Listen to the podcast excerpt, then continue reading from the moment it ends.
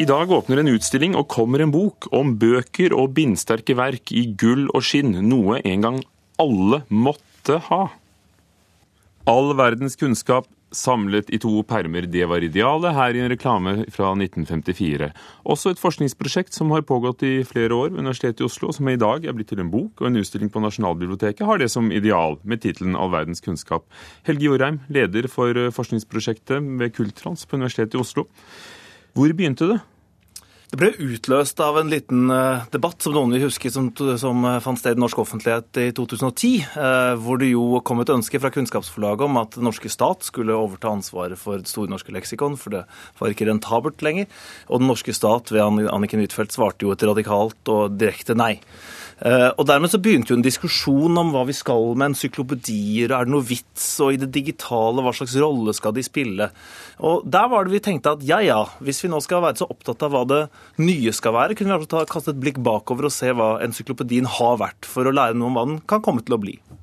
Siv Berg, forskningsbibliotekar ved Nasjonalbiblioteket. Du er også en av dem som har eh, vært med å skrive i boken og lage utstillingen. Hvor mye ideologi og hvor mye produkt har leksikonene vært i Norge? Det er eh, vanskelig å eh, løsrive fra hverandre de to spørsmålene der. For det er eh, mye to sider av samme sak, vil jeg si. Det er én tematikk som går igjen helt fra den aller første reklamen til Aschehoug fra 1907, og det er at altså man, man, nærmest man, man eh, diagnostiserer tiden da, og, og, gir oss en diagnose på at vi er det moderne mennesket som hele tiden må ha ny og oppdatert kunnskap. Det er problemet, eller det er utfordringen for det nye mennesket. Og, og man trenger da også hele tiden ny kunnskap, og det kan eh, leksikonet gi. Så, så, det skapes et behov som er at man alltid må være ajourført eller ha tilgang på den nye kunnskapen. Eh, og så da har jo, Aschehoug var jo da et konversasjonsleksikon. Ehm, og et borgerlig leksikon ville da man si, eh, da man eh, i 32 begynte, arbeide, eh, begynte jobben med å lage arbeidernes leksikon. For da skulle det være nettopp et annet syn eh, som fikk definere virkeligheten og den kunnskapen som, som et leksikon skulle kunne tilby sine lesere. Hvor stor makt har de hatt, de som skrev artiklene, over hvordan vi ser på verden? De har, jo, de har, jo, oppsummert common sense. Du kunne ikke skrive et leksikon med ting som virket usannsynlig. Eh, dette var jo noe, en, en type kunnskap vi var enige om. Ikke sant? Leksikon er ikke avantgarde-kunnskap, det er ikke det siste nye. Det er det vi er enige om til enhver tid. Um, sånn at det å bevege seg altfor langt unna common sense, det vil være vanskelig. Men Arbeiderens leksikon er jo det nydelige eksempelet, ikke sant? som er et, et propagandaleksikon men som samtidig er eh, nøytral og objektiv kunnskap. Er ikke alle leksikon propagandaleksikon for et bestemt kunnskapssyn, menneskesyn, samfunnssyn? Jo, øh, men de er det i større og mindre grad, tror jeg man må si. Uh, og Arbeiderens leksikon er nok i større grad enn mange andre, selv om det er klart når man finleser Aschehoug og Gyldendals uh, leksikon fra starten av århundret, så er det jo veldig klart et bilde av en borgerlig kultur. Altså en, noen borgerlige verdier som vi ønsker å fremme, og som Arbeiderens leksikon da går i polemikk med. Men det er klart den der hårfine balansegangen mellom ren kommunistisk propaganda og anvendelig og dermed sann og nøytral informasjon, den er aldri så drevet på spissen, som er Berns leksikon. Hvor stort var leksikon i Norge på 1900-tallet? Det var jo stort. da. Det ble produsert veldig mange leksika i Norge. Eh, så mye at som man f.eks. i Pax da brukte det som en brekkstang for å lansere sitt eget nye produkt. Eh, man sa eh, Norge har ikke for mange, men for få leksika. Helge Jorheim, dere skriver fra begynnelsen Ephraim Chambers' syklopedia Cyklopedia fra 1728 i, i, i, to små bind, via det franske encyklopedien til den svenske, eh, til Hakkespettboka, gutteleksikonen, gutteleksikon, Store norske. Men hvem har makten i dag?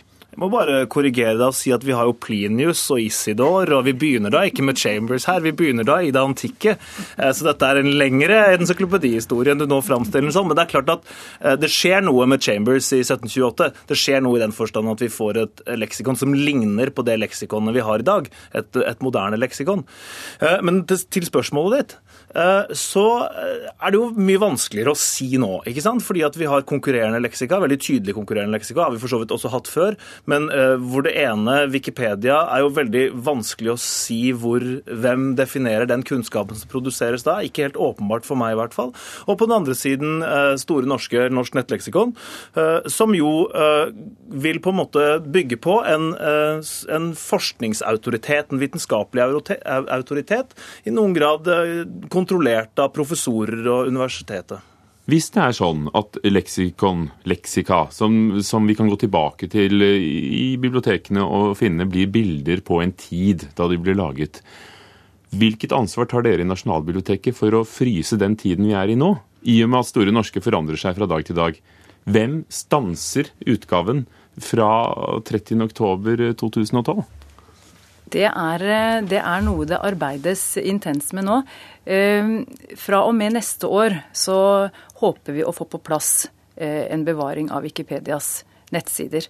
Eh, men det er vanskelig både å få til tekniske løsninger og også i forhold til eh, altså personvern, sånne ting. For ethvert nettsted har jo uendelig mange lenker til videre steder.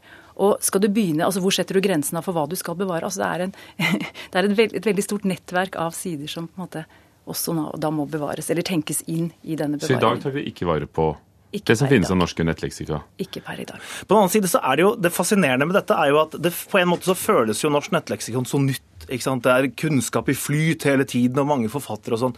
Og Det fascinerende med denne boka, og det store funnet vårt, er jo nettopp at eh, hvor nytt er egentlig det?